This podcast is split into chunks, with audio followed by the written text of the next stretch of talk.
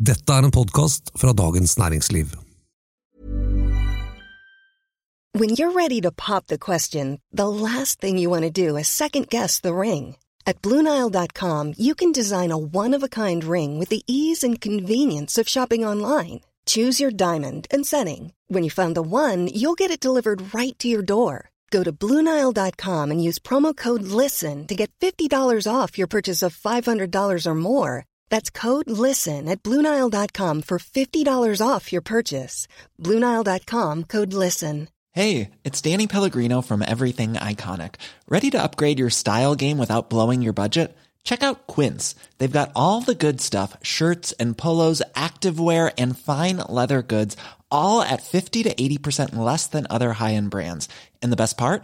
They're all about safe, ethical, and responsible manufacturing. Get that luxury vibe without the luxury price tag. Hit up quince.com slash upgrade for free shipping and 365 day returns on your next order. That's quince.com slash upgrade. When you need mealtime inspiration, it's worth shopping Kroger, where you'll find over 30,000 mouthwatering choices that excite your inner foodie. And no matter what tasty choice you make, you'll enjoy our everyday low prices, plus extra ways to save, like digital coupons worth over $600 each week. You can also save up to $1 off per gallon at the pump with fuel points. More savings and more inspiring flavors make shopping Kroger worth it every time. Kroger, fresh for everyone. Fuel restrictions apply. Det er høysesong for hemmelighold og spekulasjoner, og vi aner fortsatt ikke hva slags regjering vi får. Men at KrF-leder Ropstad og partiet hans har fått seg en brutal dobbel nesestyver, det vet vi. Partiet står i fare for å dø ut sammen med sine velgere. Dette er den politiske situasjonen.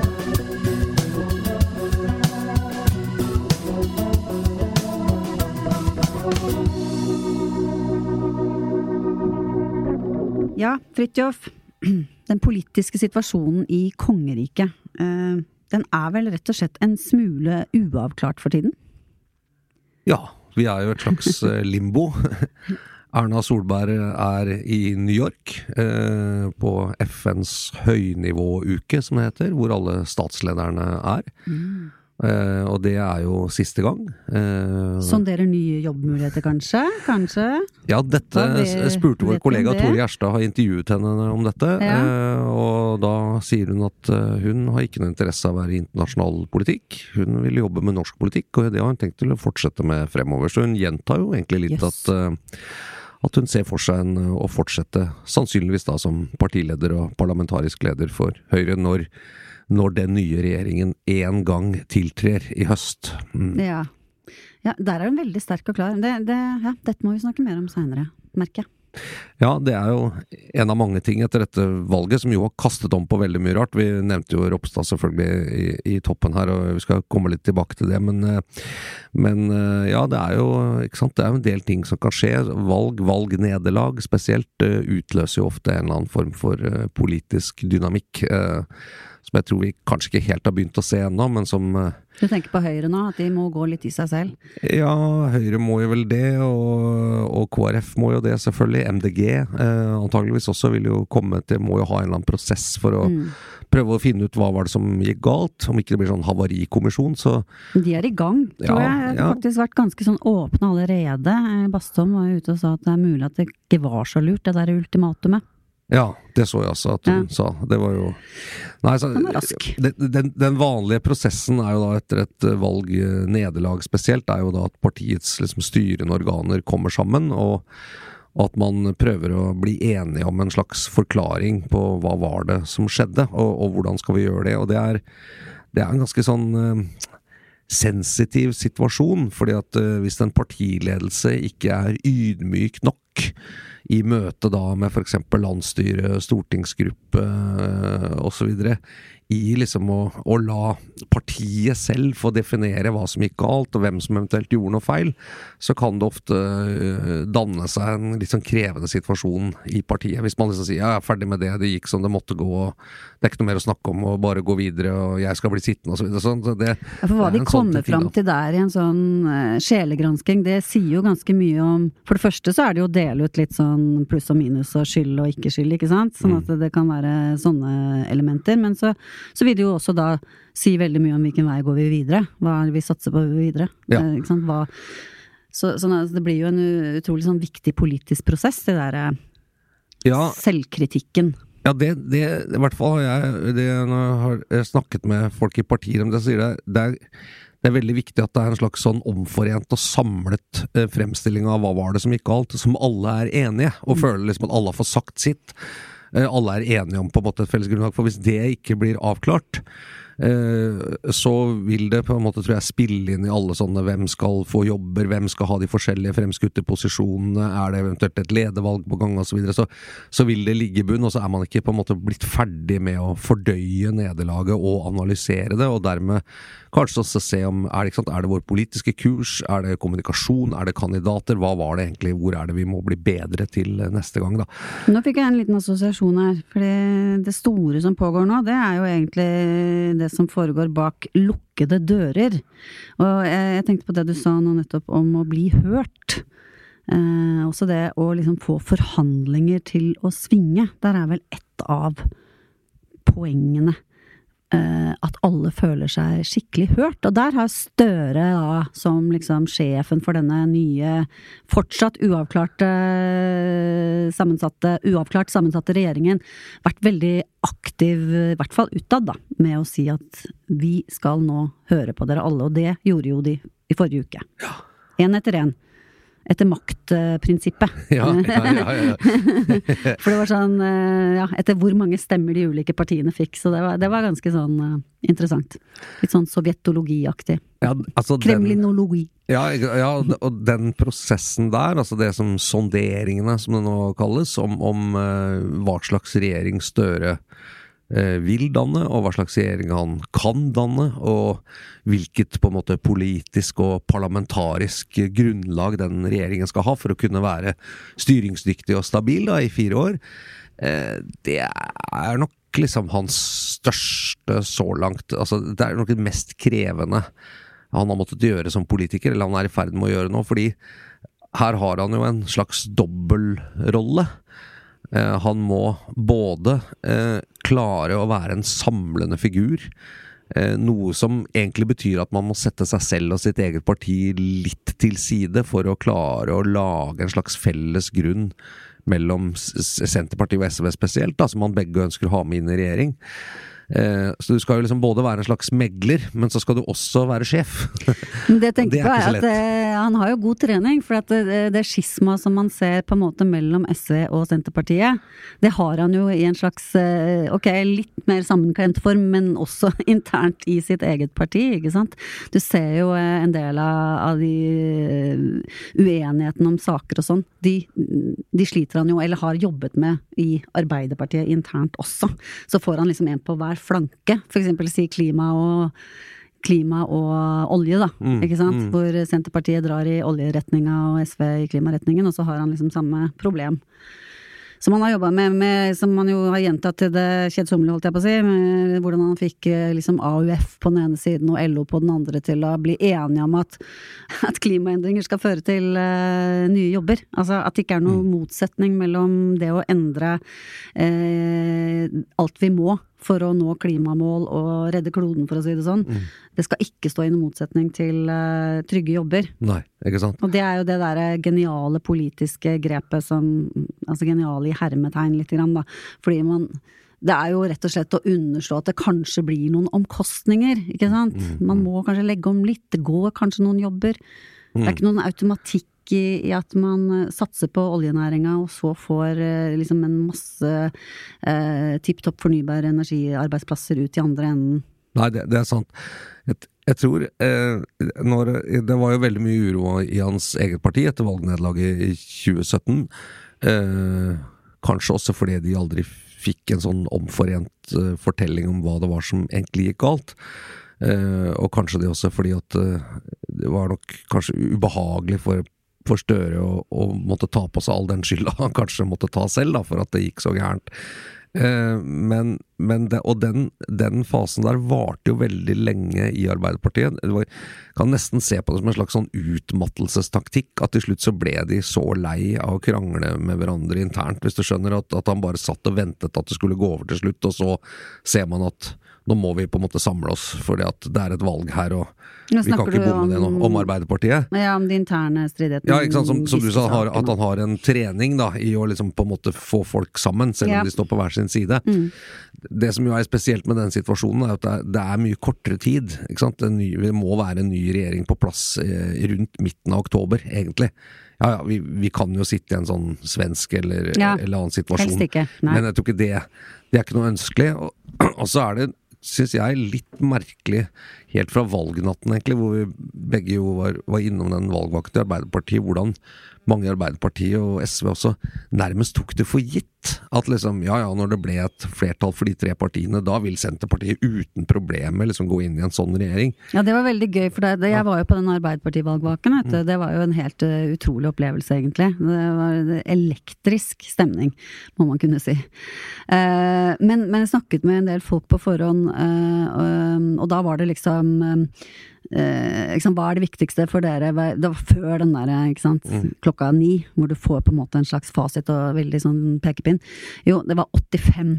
Altså flere enn 85. eh, At de tre partiene fikk flere enn 85. Og så var det sånn eh, ja, men hva med Senterpartiet? De har jo sagt de ikke vil samarbeide med SV. Det var sånn, eh, tror vi ikke noe på. Får vi flertall, så er det liksom Da er det da Da er vi inne. Da er tyngdekraften Da der. er tyngdekraften der, og ja, det var kanskje sant, Det var litt sånn hybris og optimisme den kvelden der og alt det der, men uh, vi er vel ikke helt sikre på om det der uh, går så lett hjem som de trodde da. Nei, dette er jo gåten, og, Mm. det, det er jo, sant? Det- og dette er jo altså så få mennesker som vet på en måte de reelle posisjonene, og alt som blir sagt. Kanskje ingen, sånn. faktisk, for det er jo en dynamisk prosess på gang nå. Ja, altså vi, vi vet vel at Arbeiderpartiet og eh, SV, vi, de vil ha eh, Senterpartiet inn i regjering og danne en flertallsregjering. Ja, ja. Det, det tror jeg Men om de kommer dit, det er det som er Men er Mm. Senterpartiet der? Det mm. ikke sant? Og, og ja, hvis de kan få til en Arbeiderparti-Senterparti-regjering, så vil de jo selvfølgelig prøve å få til det, men er de sånn at Altså, er neiet til SV Er det neiet til SV så bastant at de selv SP? også kan stå Nei, til, til SV, er Senterpartiets nei til SV Mm. så bastant at det er viktigere enn å sitte i regjering? Det er det jeg lurer på. Mm. Altså, kan, kan Jonas Gahr Støre i denne eh, fasen si på et eller annet tidspunkt og gjøre det klart at eh, Trygve Slagsvold Vedum og, og Marit Arnstad for seg, for det virker jo som de gjør dette sammen Mm. eh, Hvis ikke dere vil sitte i regjering med SV, eh, så kommer dere ikke i regjering. Altså, da er det nei. Ja. Eh, det blir ikke noe topartiregjering med oss to, uansett. Så dere må velge enten regjering med SV eller ikke regjering. Og, og da eh, Men da kan S Senterpartiet begynne å gjøre seg litt sånn vanskelig kanskje i opposisjon, og de blir ikke sånn bestevenner med en Arbeiderpartiregjering som har, som har skvisa dem ut på den måten, da. Så det er kanskje litt risikabelt med tanke på, ja, med tanke på hvor greie de blir i Stortinget da. Jo, vanskelig tror jeg de blir uansett. Eh, det er En sånn samarbeidsregjering er ikke noe lek eller søndagsskole eller noe, det er beinhardt. Eh, men, men, men han må jo da være sikker på Det er litt sånn call the bluff, ikke sant? Å si at eh, jeg, jeg vet at du helst vil sitte i regjering bare med oss. Eh, men realiteten er at vil du vil i regjering, eh, så må du ha med SV. Og det er det valget du har. Eh, og da må han jo egentlig føle eller vite, eller på en eller annen måte tenke at det- da kommer de til å si ja, ikke sant. Og så øh, vil de, i det, hvis de sier ja, så vil de jo antageligvis alle tre gå ut og si at øh, dette får vi til, det er mye som binder oss sammen. Da vil det jo bli, bli en helt annen fortelling. ikke sant? Absolutt. Og, og, og, og Senterpartiet vil jo kunne si til sine velgere, si at øh, vi har selvfølgelig prøvd, eh, men, vi, men vi ser at vi får så mye igjen eh, for å si ja til at, å sitte i regjering med SV, at det er verdt på en måte dette nederlaget. Og det, og det tror jeg Vedum kan helt sikkert gjøre det til sine velgere og sitt bakland, det, det er jeg helt sikker på han kan, men, men han må da han må altså mene det, ikke sant? At det er bedre for dem å være i en flertallsregjering som han egentlig ikke vil ha, enn å stå på utsida. Men det, det som er veldig interessant, er liksom hvordan, hvordan måler og veier man makten de ulike partiene har nå? Ikke sant? For jeg tenker på Senterpartiet kom jo inn med en spesiell styrke, nemlig at de har henta velgere fra den andre siden, ikke sant? Og sånn sett kan si at uten oss så hadde ikke det, dette blitt en, et rød-grønt flertall, ikke sant. Eh, og at de har hatt en spesiell posisjon på den måten her. Og så en, en annen ting eh, det var jo åpenbart at Senterpartiet hadde en stor interesse av å, å lage distanse til, til SV under, eh, under valgkampen. Eh, nettopp av den grunn, ikke sant? Fordi at eh, da får du ikke akkurat henta noe fra, fra høyresiden av politikken, hvis de eh, samtidig sier at vi, vi står så nære SV at vi kan tenke oss å gå i regjering med dem.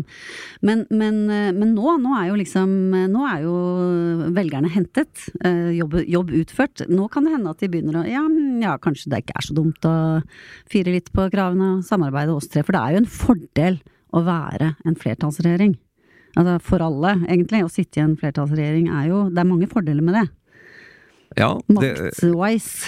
ja, og det er jo blant annet at en del eh, konflikter kan på en måte i hvert fall delvis holdes utenom liksom det veldig store offentlige, og, og, og partiet vil liksom slutte litt mer opp om det man eh, vedtar. og det er, ikke, det er ikke så mange muligheter til å markere seg i Stortinget fra forskjellige representanter osv. Så, videre. så ja, eh, jeg tror man får gjort mer i en flertallsregjering, eh, eller, om, eller et veldig sånn avklart flertall. Som man jo også hadde på borgerlig side, i hvert fall de første fire årene.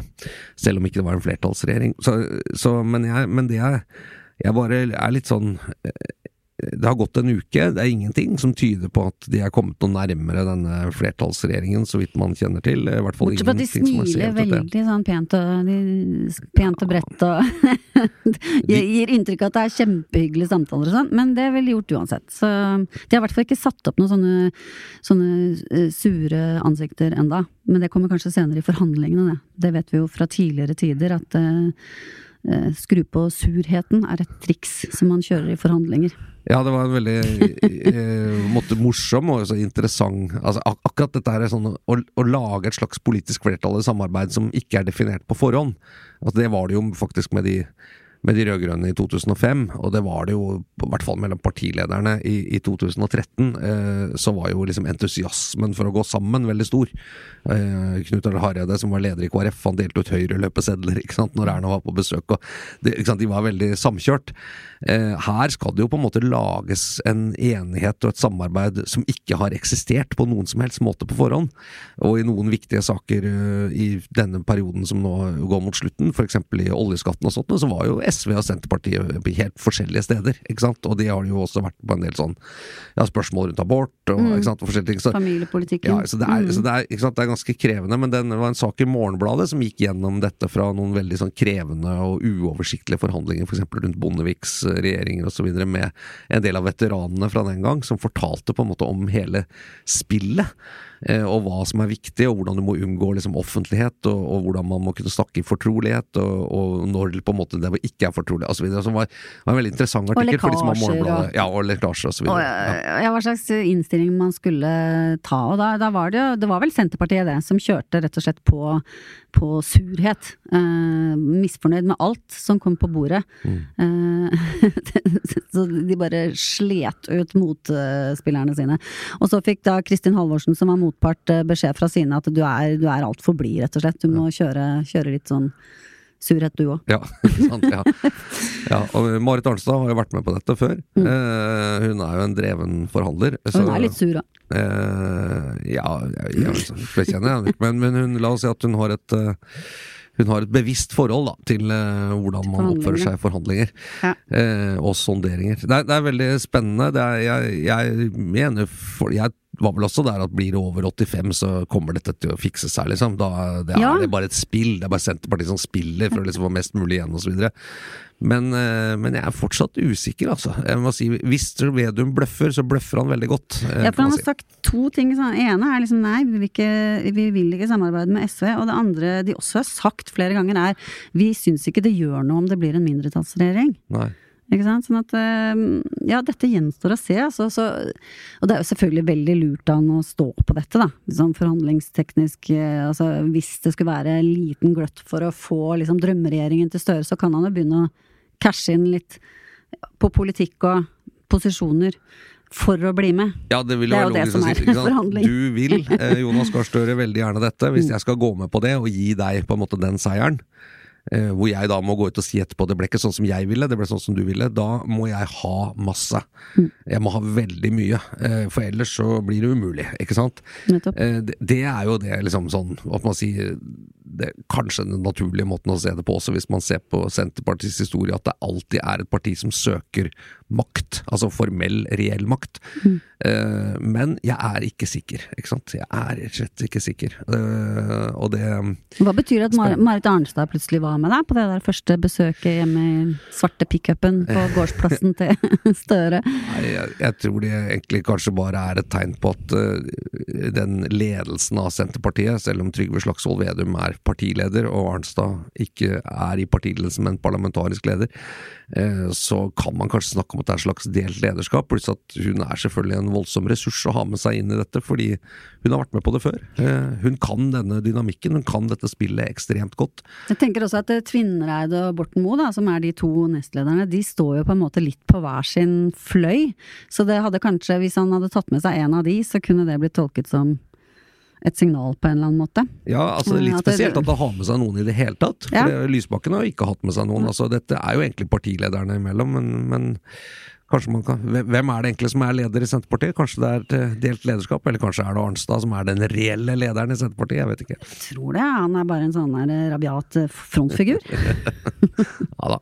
Men det, det er ikke så ja. det var, Jeg var litt overrasket over at hun var med. Jeg hadde jo ikke hørt om det på forhånd at hun skulle være med, men, men da dukket jo også nestleder Hadia Tajik opp også i de Ja. Ikke sant? Så det måtte være to og to, da. Ikke sant? Det kunne ikke Ja, det være ujevnt på bordet osv. Men eh, nei, det er veldig spennende. Jeg, jeg vet ikke noe i forsvar. Det, det jeg vil tippe er når sonderingene på et eller annet tidspunkt, så må det da tas en beslutning fra Støre og si at Eh, og de tre sier at enten så tror vi nå er kommet så langt at vi har gått gjennom en del krevende ting, og vi, vi mener vi ser en vei, vi klarer å danne en regjering sammen. Da blir det forhandlinger. Eh, men i, idet du går fra sondering til forhandling, så har du sagt at da er vi sikre på at vi får dette, lander dette. Da er det bare et spørsmål om å lage en plattform og mange krevende ting som gjenstår, men da har vi på en måte lovet at vi skal få det til. Eh, og da setter vi oss på en måte offentlig ned med delegasjoner og alt rundt eh, bordet, gjerne på et eller annet hotell eller et eller annet sånt sted eh, i nærheten, et eller annet sted på Østlandet, pleier det å være. Eh, og så kommer man ut derfra etter en eh, beinhard runde med en regjeringserklæring, eh, med mange politiske avklaringer, hvor man kan vi begynner å si hvem har vunnet og hvem har tapt. Som SV da skal sende til uravstemning blant sine medlemmer. Jeg tenker at SV har vært veldig klar, faktisk veldig klar på at de ønsker å gå inn i regjering. Altså de, og de skjønner at det betyr kompromisser og ikke sant, sånne ting. Og jeg har sagt mange ganger, syns jeg, og det tenker jeg, har jeg tenkt litt, det er litt til til velgerne også, nei til medlemmene også. At, eh, ikke sant, det er den strategien vi har. Så jeg har tenkt at det er liksom å vende dem til den tanken at eh, vi må faktisk kompromisse litt, skal vi ha en hånd på rattet. Ja, vurderingen internt i som i hvert fall jeg, jeg er kjent med, er jo at hvis Audun Lysbakken, som står så sterkt som partileder, og har gjort tross alt et ganske godt valg for partiet, hvis han anbefaler partiet å gå inn i regjering og mener at det, dette kan vi stå for, dette er bra, og dette, er liksom, dette er maksimerer det gjennomslaget vi kan få for vår politikk, eh, så tror jeg den uravstemningen er en formalitet. Da vil medlemmene si ja. Eh, Så jeg ser at liksom kilder i Senterpartiet og andre steder prøver å spinne opp dette som en veldig stor hindring, men at alle regjeringsforhandlinger og sluttprodukt og sånn må jo forankres et eller annet sted. I en gruppe, stortingsgruppe, en, en landsstyre, en eller annen form for styrende organ. Altså, Det er bare at SV har valgt å gjøre det, så, så er i hvert fall Gjør det litt sånn eksplisitt. Og så kanskje kanskje det reduserer sjansen for at de blir stående ute på gressbakken da, foran Stortinget, sånn rett Ikke sant? Hvis de har vært med på at ja, på plenen, ja. ja, vi, Ja. Er med, vi, er, vi er med på prosjektet, så skal det kanskje litt mer til at det blir så, sånn eh, bråk som det ble da, sist gang. Den største liksom, plenactionen som jeg har husker fra, fra norsk politikk de siste årene, var da eh, var det Lars Peder Brekk, tror jeg, som var eh, nestleder i Senterpartiet, eh, så vidt jeg husker i hvert fall, og også landbruksminister, hadde lagt frem et eh, forslag til jordbruksoppgjør i 2012. altså året før eh, valget. Eh, og det ble forkastet av Bondelaget, og det var et bondeopprør, litt som det vi så nå, mot en eh, landbruksminister fra Senterpartiet. Ja, ikke sant. Eh, og de sto og demonstrerte på plenen, og, og Per Olaf Lundteigen, som da var representant for Stortinget på, for Senterpartiet i landbrukskomiteen, gikk ut og sto sammen med de som demonstrerte mot mm. egen landbruksminister. Og det er klart, en sånn markering, det skal vi ikke glemme at det, er, det tror jeg er en, altså, at, at bøndene demonstrerer mot Senterpartiets landbruksminister og hans forslag til oppgjør og sier at dette er ikke godt nok, og nå lager vi opprør, og får støtte av egne stortingsrepresentanter, det, det, det. er rekorden innen plen, tror jeg, faktisk. Plenrekord. Ja. Ja. Så, så her er det mange partier som har en tradisjon, for å si det sånn, ikke bare SV. Ja. Sant nok. Og det kan sikkert nok. bli mer òg. Men han snakket, med, han snakket jo til og med med, med det femte partiet på rød-grønn side, som jo ikke kom seg over sperregrensen, og som jo uansett ikke er aktuelt å samarbeide med, MDG. Mm. Det var vel på fredag. Mm. Uh, ja. Det var to partier som ikke nådde denne grensa. Ja, MDG er jo en Det må jo være en, en stor nedtur for hvordan de Ja. styrte den valgkampen. Jeg tror faktisk vi skal være litt sånn Det er kanskje hardt å si, men eh, de kan takke seg selv for at ikke dette gikk, tror jeg. De hadde saken, de hadde eh, de hadde på en måte den politiske debatten, de hadde en valgkamp som var skreddersydd for dem, men de klarte altså å rote det bort ved å føre rett og slett en dårlig valgkamp. Det, Mm, det er så enkelt, tror jeg. Så brutalt og enkelt er det. Og det var skulle- ikke mange stemmer det sto om heller. Jeg prøvde å styre oss nå over til uh, tema to. Ja, men det måtte bare få sagt det. For ja, jeg det har hørt vært så mye om det. Var det ikke en klimavalgkamp osv.? Og et MDGs under Bergensen viste at klima var ikke noe sak. Sånn likevel. Det er klart klima var en sak i denne valgkampen, og at det dominerte mye dagsorden, men, men jeg tror rett og slett de bare førte en utrolig dårlig valgkamp. Det er så enkelt, tror jeg. If you're looking for plump lips that last, you need to know about Juvederm lip fillers. With Juvederm Volbella XC and Juvederm Ultra XC, your lip look, whether it's subtle or bold, can last up to one full year with optimal treatment and no additional maintenance. Find a licensed specialist and see if it's right for you at juvederm.com today. That's J U V E D E R M.com. Add fullness to lips in adults over 21 with Juvederm Volbella XC or Juvederm Ultra XC. Do not use if you have severe allergies or a history of severe allergic reactions, or if you're allergic to lidocaine or the proteins used in Juvederm. Tell your doctor if you have a history of scarring or taking medicines that decrease the body's immune response or that can prolong bleeding. Common side effects include injection site redness, swelling, pain, tenderness, firmness, lumps, bumps, bruising, discoloration, or itching. As with all fillers, there's a rare risk of unintentional injection into a blood vessel, which can cause vision abnormalities, blindness, stroke, temporary scabs, or scarring. For full important safety information, visit juvederm.com.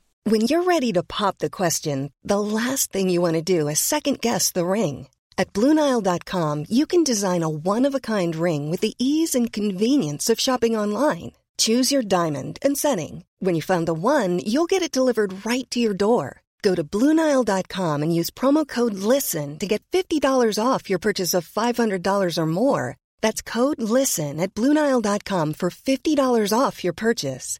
Bluenile.com code LISTEN. Planning for your next trip?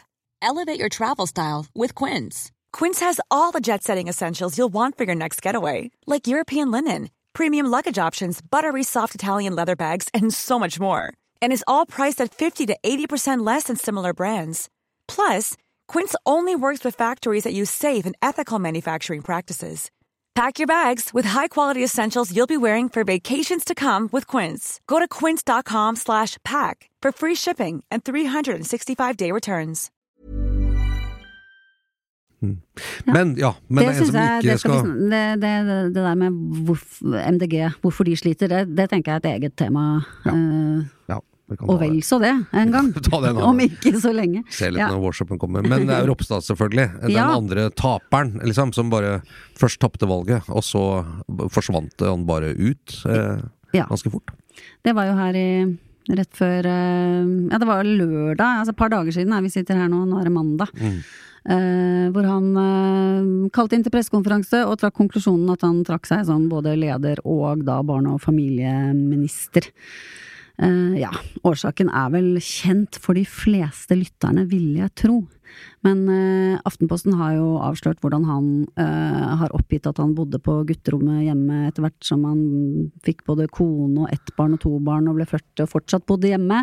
Uh, og at det på en måte gjorde at han fikk fri pendlerbolig i Oslo. Uten at vi skal gå inn i alle de tekniske detaljene på nytt. Men det var en ny omdreining på fredag Ja. i den saken som da kom i Aftenposten. Fordi da eh, eh, Ropstad ble minister, så var det jo SMK som skulle fortelle ham hvordan tingene var, altså statsministerens kontor, i motsetning til Stortinget. Og de sa at du må faktisk betale skatt på fordelen av å bo i gratis eh, pendlerbolig. Ja. Eh, og da sa han ja, men det har jeg aldri gjort før, det var rart. Ja, men grunnen til at du må det, er fordi du ikke har noen andre utgifter noe annet sted. Det er jo det som er logikken, ikke sant. At, at eh, folk som kalles inn til, til eh, kongelig pliktarbeid, enten det er på Stortinget eller i regjering, skal slippe å betale for to boliger. Eh, og han sa nei, jeg har aldri betalt noe for meg. Um, men så fikk eh, så når han da skjønte at det var en del av regelverket, så inngikk han en avtale med foreldrene sine om at kanskje jeg skal begynne å betale litt for meg.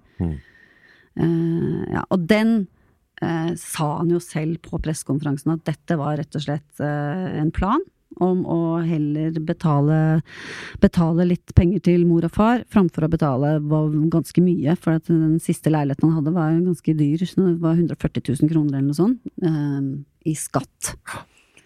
Um, og det prøvde han heller ikke å snakke seg vekk fra, at den eh, For det er litt komplekst å ta sånn eh, alle disse reglene, men dette kommer jo til å bli en svær sak, fordi det er mye rot, tydeligvis, med, med regelverket. Det er mange andre som har hatt bolig i Oslo, leid den ut og fått gratis pendlerbolig, eksempel.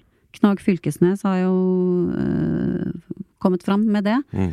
Eh, han gjemmer seg litt bak, eller gjemmer seg bak, men han er sikkert glad for at han var med på å stemme for at man skulle endre de reglene.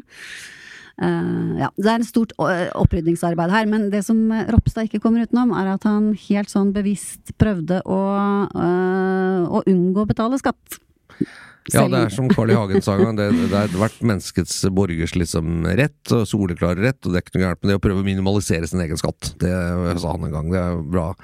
Eh, nei, eh, det, han var i overkant kreativ og i overkant ivrig med å liksom eh, komme seg ut av ting og, og holde på å bruke en eh, rett til bolig, som jeg tror er en ganske grunnleggende rett for alle som både er på storting og i regjering, og som egentlig bor og hører hjemme et annet sted. At de, de får et sted å bo, så de kan gjøre jobben sin. Eh, men han brukte det på en måte til egen vinning, på en måte som ikke tålte dagens lys politisk, i hvert fall. Så får vi se juridisk om han også liksom faktisk eh, kan si at han med forsett har sneket seg unna skatt osv. Det, det jeg tror jeg er litt mer åpent spørsmål, det har vært veldig mye forvirring. Men det som jo er litt interessant med dette, er jo at dette kommer ikke sant? Eh, Ropstad er KrF-leder fordi han vant kampen mot Knut Arild Hareide eh, for bare noen år siden om retningsvalget til KrF. Eh, Hareide eh, sa hvis ikke vi tar retningsvalget og bytter side, så vil vi gå under, altså under sperregrensen. Vi må ta valget, og vi er nødt til å gå til den andre siden. Det er der fremtiden ligger. Ropstad sa nei, vi skal være et borgerlig parti og være på den siden. Velger Erna, det er det som er fremtiden. Eh, så viste det seg at det, det gikk ikke. Eh, de klarte ikke sperregrensen. Eh, og i tillegg eh, så kan du jo si at dette med Ropstads på en måte kreative bostedsløsninger kom jo opp helt i valgkampens siste fase. Det kan jo ha vært det som gjorde at det røyk på slutten. Han personlig. Kanskje veivalget var greit, men at han personlig var den som senket under det. Dette må jo KrF nå finne ut av. Eh, og så er spørsmålet hva nå, KrF? Ja. Jeg bare ta, Før vi går videre med hva nå KrF, så var det en ganske interessant liten bevegelse der. For det ble jo gjort en del målinger, ikke sant. Det var jo målinger nesten hver dag de siste dagene før, eh, før valget av, av eh, hva velgerne ville stemt på. Og, og der så det ut som at det, ble, at det var en slags sånn derre vi slår ring om Ropstad-effekt. For der gikk faktisk KrF opp eh, et par eh, En ukes tid eller noe sånt. Eh, Så er, det er jo vanskelig selvfølgelig å si at det, at det var det, men det kan jo Det kan, jo, det kan jo ha vært en sånn flyktig effekt, og så at man egentlig var nede på liksom, den der grunnstammen likevel, da, viste det seg. Kanskje. Så, men eh, Ja, nei, altså det, det var jo i 2018, det var jo, det var jo en thriller uten like, den der konflikten i KrF. Altså det var ganske mange flere enn vanlig som fulgte med på landsstyremøtet til KrF det året der. Ja. Det var jo helt uh, Alle fylkesårsmøtene og så videre, Ja. ikke sant. Ja. landsmøte. Det var det. Mm. Men, men, eh, det, men, men ikke sant, det er jo Jeg ser nå er det litt aktivisert igjen den eh, Var veivalget riktig? Er ikke dette med Ropstad ute? Kanskje vi skal reorientere oss? Kanskje vi på sikt kan være en del av et eh, mer sentrums- eller type Altså med sentrum, Mm. altså Arbeiderpartiet, S, Senterpartiet, KrF. Er det en mulig konstellasjon? Det var jo det som var planen den gangen i 18. Var jo det en mulig regjering? Det er ikke så Senterpartiet veldig var ikke så keen på den heller, riktignok, men de ble liksom tatt med i miksen da. Men, men ikke sant, det er eh, Vil det utløse en ny debatt Mm. om veivalget, rett og slett? Eh, det er jo veldig interessant. Og er det egentlig noe håp for KrF? Er, kommer de over sperregrensene noensinne? Nei, det, det er det jo en del som mener at de kanskje ikke gjør, da. Så, men det er jo, det er jo Og det er jo eh, det, er, det spørs liksom hva slags energi som finnes i det, om de orker en sånn, eh, en sånn ny omkamp. Men det er jo ikke unaturlig å se for seg at det blir det, når, når liksom alt sto om eh, når, når Ropstad liksom tok seieren og gikk inn og skulle, skulle føre partiet videre, og så viser det at, det at det ikke kommer over sperregrensen, så blir det jo litt sånn spørsmål var det da feil? Det er ikke, ikke sant? Eh, jeg hørte Åshild Mathisen, tidligere rådgiver, og Kjell Magne Bondevik diskutere på, på radio i morges, så det, det hørtes ut som det var eh, var liksom sånn betydelig kraft eh, fra Bondevik sin side på nei, ikke åpne denne kampen på nytt igjen, liksom. Hun var eh, Han var nærmest litt ufin, syns jeg. Han skulle liksom trykke ned det derre spørsmålet der sånn. Ja. Det, der, der, der fikk jeg liksom et sånn visst inntrykk av hva slags krefter man snakker om i, i KrF. Ja, nå, nå har de jo representasjon fra sine på en måte kjernefylker, da, bibelbeltet, om man skal kalle det. ikke sant? Det er Agder. Ropstad ble valgt inn derfra. Ola Bollestad fra Rogaland. Eh, Og Geir eh, ikke sant, Ulstein, som er bistandsminister. Eh, Dag Inge, Dag ja. Ulstein. Noe ukjent statsråd, vil jeg si. Men ikke markert seg så veldig sånn offentlig, men, men fra Hordaland. Og som jo var en del av det som gikk inn da KR, KrF og Venstre faktisk liksom konstituerte byråd og, og, og flertallsmakt i, i Bergen.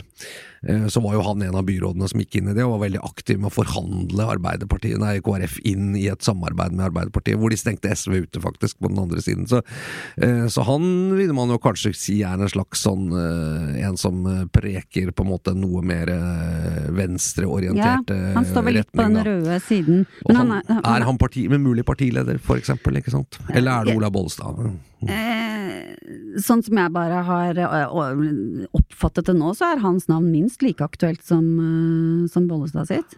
Men han er jo han var jo, ikke- han jo ikke helt ukjent for offentligheten. Han fikk jo en del oppmerksomhet eh, rundt um, en eh, en Facebook-post som han sletta nei, rett før han ble Rett før han ble minister. Som han, han og kona hadde skrevet om hvor vanskelig det var å avstå fra sex, for de var ikke gift, og de var på sydentur. Ja. Og da, det, da ble det plutselig faktisk eh, det, det, Ok, det er sånn Det er, kikke, det er liksom kjendis og kikkeri og greier og sånn, men det var faktisk litt eh, politisk relevant også, fordi folk begynte å lure på er du eh, som utviklingsminister, vil du predike på en måte rundt i verden at eh, man bør avstå før Ikke sant? Eller vil du eller er det opplys, opplysning og den type ting Ja, ja, man bør er- gå for? Så ja, det det ble sant. faktisk et politisk spørsmål eh, som ikke er sånn helt irrelevant, da. Hva slags verdi man har i det. Men eh, så han, han, synes, han hadde ikke noe lyst til å snakke noe mer om det, tror jeg. Så den ble sletta. Vi kan i hvert fall si at eh, Bollestad har hatt en høyere profil, og nok er mer kjent eh, som politiker enn det Dange Gullstein er. Det tror jeg vi kan si. Det kan vi si, og hun, også hun er jo, gjør seg jo også veldig Hun gjør seg jo også veldig bemerket på sosiale medier, da. Med denne Instagram-kontoen sin. Ja. Men en ganske dreven makt- og forhandlingspolitiker, da, fra forskjellige politiske ting. Så ja, det er spennende. ikke sant? KrFs problem alltid har jo vært at eh, de fleste som slutter å stemme på KrF, de gjør det fordi de dør. Eh, og det Ja, samme det er gjelder medlemmer. problem. ikke sant? Så Eh, det, det er jo- et sånt grunnfjell der som, som, som blir bare mindre og mindre. Og så er problemet, eller så er spørsmålet får man noen nye. Ja. Men jeg lurer på, kan man liksom ha en sånn derre Larkin-profil og være partileder? Og, og, og, og liksom kjøre bild, sånne barisbilder av ektemannen som sover og sånne ting? Eller? Tenker du at det er litt problematisk? Nei, det er vel KrFs medlemmer som skal avgjøre, heldigvis. Og ikke du og jeg. Eh, med mindre da- er medlem i partiet. Vi må da mene om politisk kommunikasjon og apparasjon, hvordan man fremstiller seg osv. Det er jo en viktig del av politikken, det. Ja, men eh, det er ikke at partier eh, Nei, nei, det vil jo vise seg om det er, om det, om det er et problem eller eller jeg, jeg, jeg syns det er spennende. Tror, de har ganske mye å styre med da i KrF nå, sånn før de er der. Eh, Det er vel neste landsmøte hvor de skal velge en ny leder osv. Så, videre, så så det er ganske mye å styre med. Men, eh, men de skal både da først fordøye nederlaget, analysere nederlaget. Hva gikk galt, hvorfor gikk det galt? Og så skal man på en måte både snekre politikk, kanskje noe justering av retning.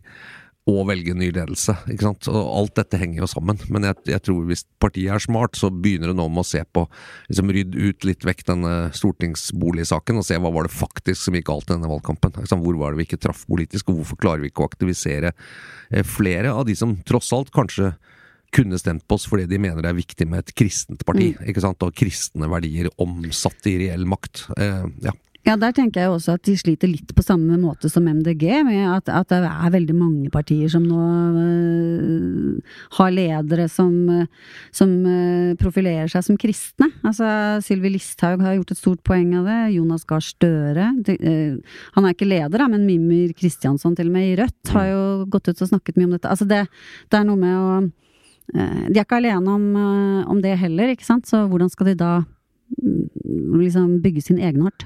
Nei, Interessant ting å se på, som jo etter hvert denne høsten vi kan se på, er kontantstøttens skjebne. Nå er KrF ute, ikke sant. Eh, De er under sperregrensa. Altså Alle har på en måte fredet kontantstøtten, selv om partiene ikke vil det, fordi det er så viktig sak for KrF, for man ønsker ikke å gjøre noe som gjør at man skyver KrF fra seg liksom for evig tid.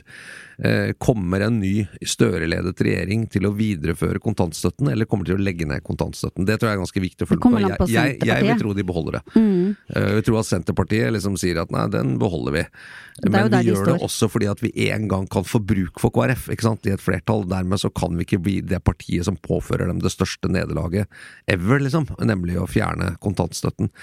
Selv om sånn- Arbeiderpartiet egentlig vil ha den bort, da, f.eks. Ja, SV og Arbeiderpartiet vil jo ha den der ventekontantstøtten. Eh, altså til du liksom får barnehageplass, Mm. Ja. type ting. Ja. Men Senterpartiet har vel vært klar på den litt KrF-vennlige linja. Mm. Som de kanskje opprettholder delvis av for å liksom holde Ja, dem i loopen. Og det, og det, det, var jo, det var jo KrFs liksom store mobiliseringssak skulle være, var jo at de sa hele tiden det, ikke sant? hvis ikke vi dere velger oss inn, og hvis ikke vi er partiet her, så ryker kontantstøtten. Og dermed valgfriheten for barnefamilier, som de kaller det da. Så ja, så er det en interessant ting. Men øh, neste gang så får vi se om vi kan uh, ha kommet noe videre på, på dette på sonderingene, da. Om vi har fått vite noe mer. Egentlig har vi fått vite veldig lite de siste dagene. Uh, ser ikke ut som det er så mye dynamikk. Ingen nye møter som vi vet om, i hvert fall. Nei, hvert fall men nå, nå vil de holde dem hemmelige helt til det er klart at det er forhandlinger eller ikke, ikke sant? Tror du ikke det? For at nå, nå, begynner det å liksom, nå begynner man å legge vekt på hvem er det han møter og Ja, For nå- spinnes ut og så videre. Ja. Nå var det, har det vært åpent, jeg skal snakke med alle, jeg tar fra liksom, mektigste og nedover og sånn, men så begynner jo Ja. det som er egnet til spekulasjon, da. Ja, vi gjør det. Den som eh, vi har tenkt å leve, da, så vi får se, det får vi si. Eh, men den politiske situasjonen eh, er over for denne gang. En podkast fra Dagens Næringsliv med Eva Grinde, som er kommentator i DN, og meg, Fridtjof Jacobsen, som er politisk redaktør. Her snakker vi om politikk, og bare det, med jevne mellomrom. Produsenten vår heter Oskar Bremer, og du kan høre oss på alle ulike podkastplattformer. Abonner gjerne, og spre gjerne ordet. Vi høres igjen snart.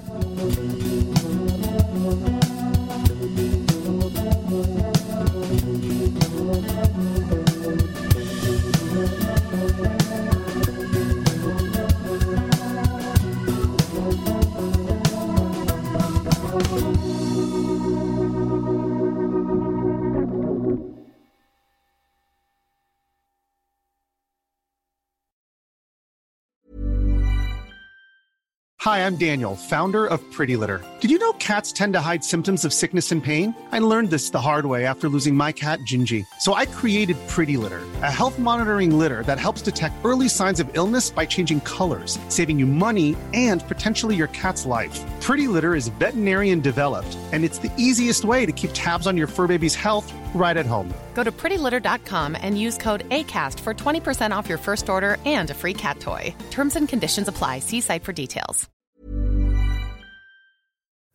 Du har nå hørt en podkast fra Dagens Næringsliv.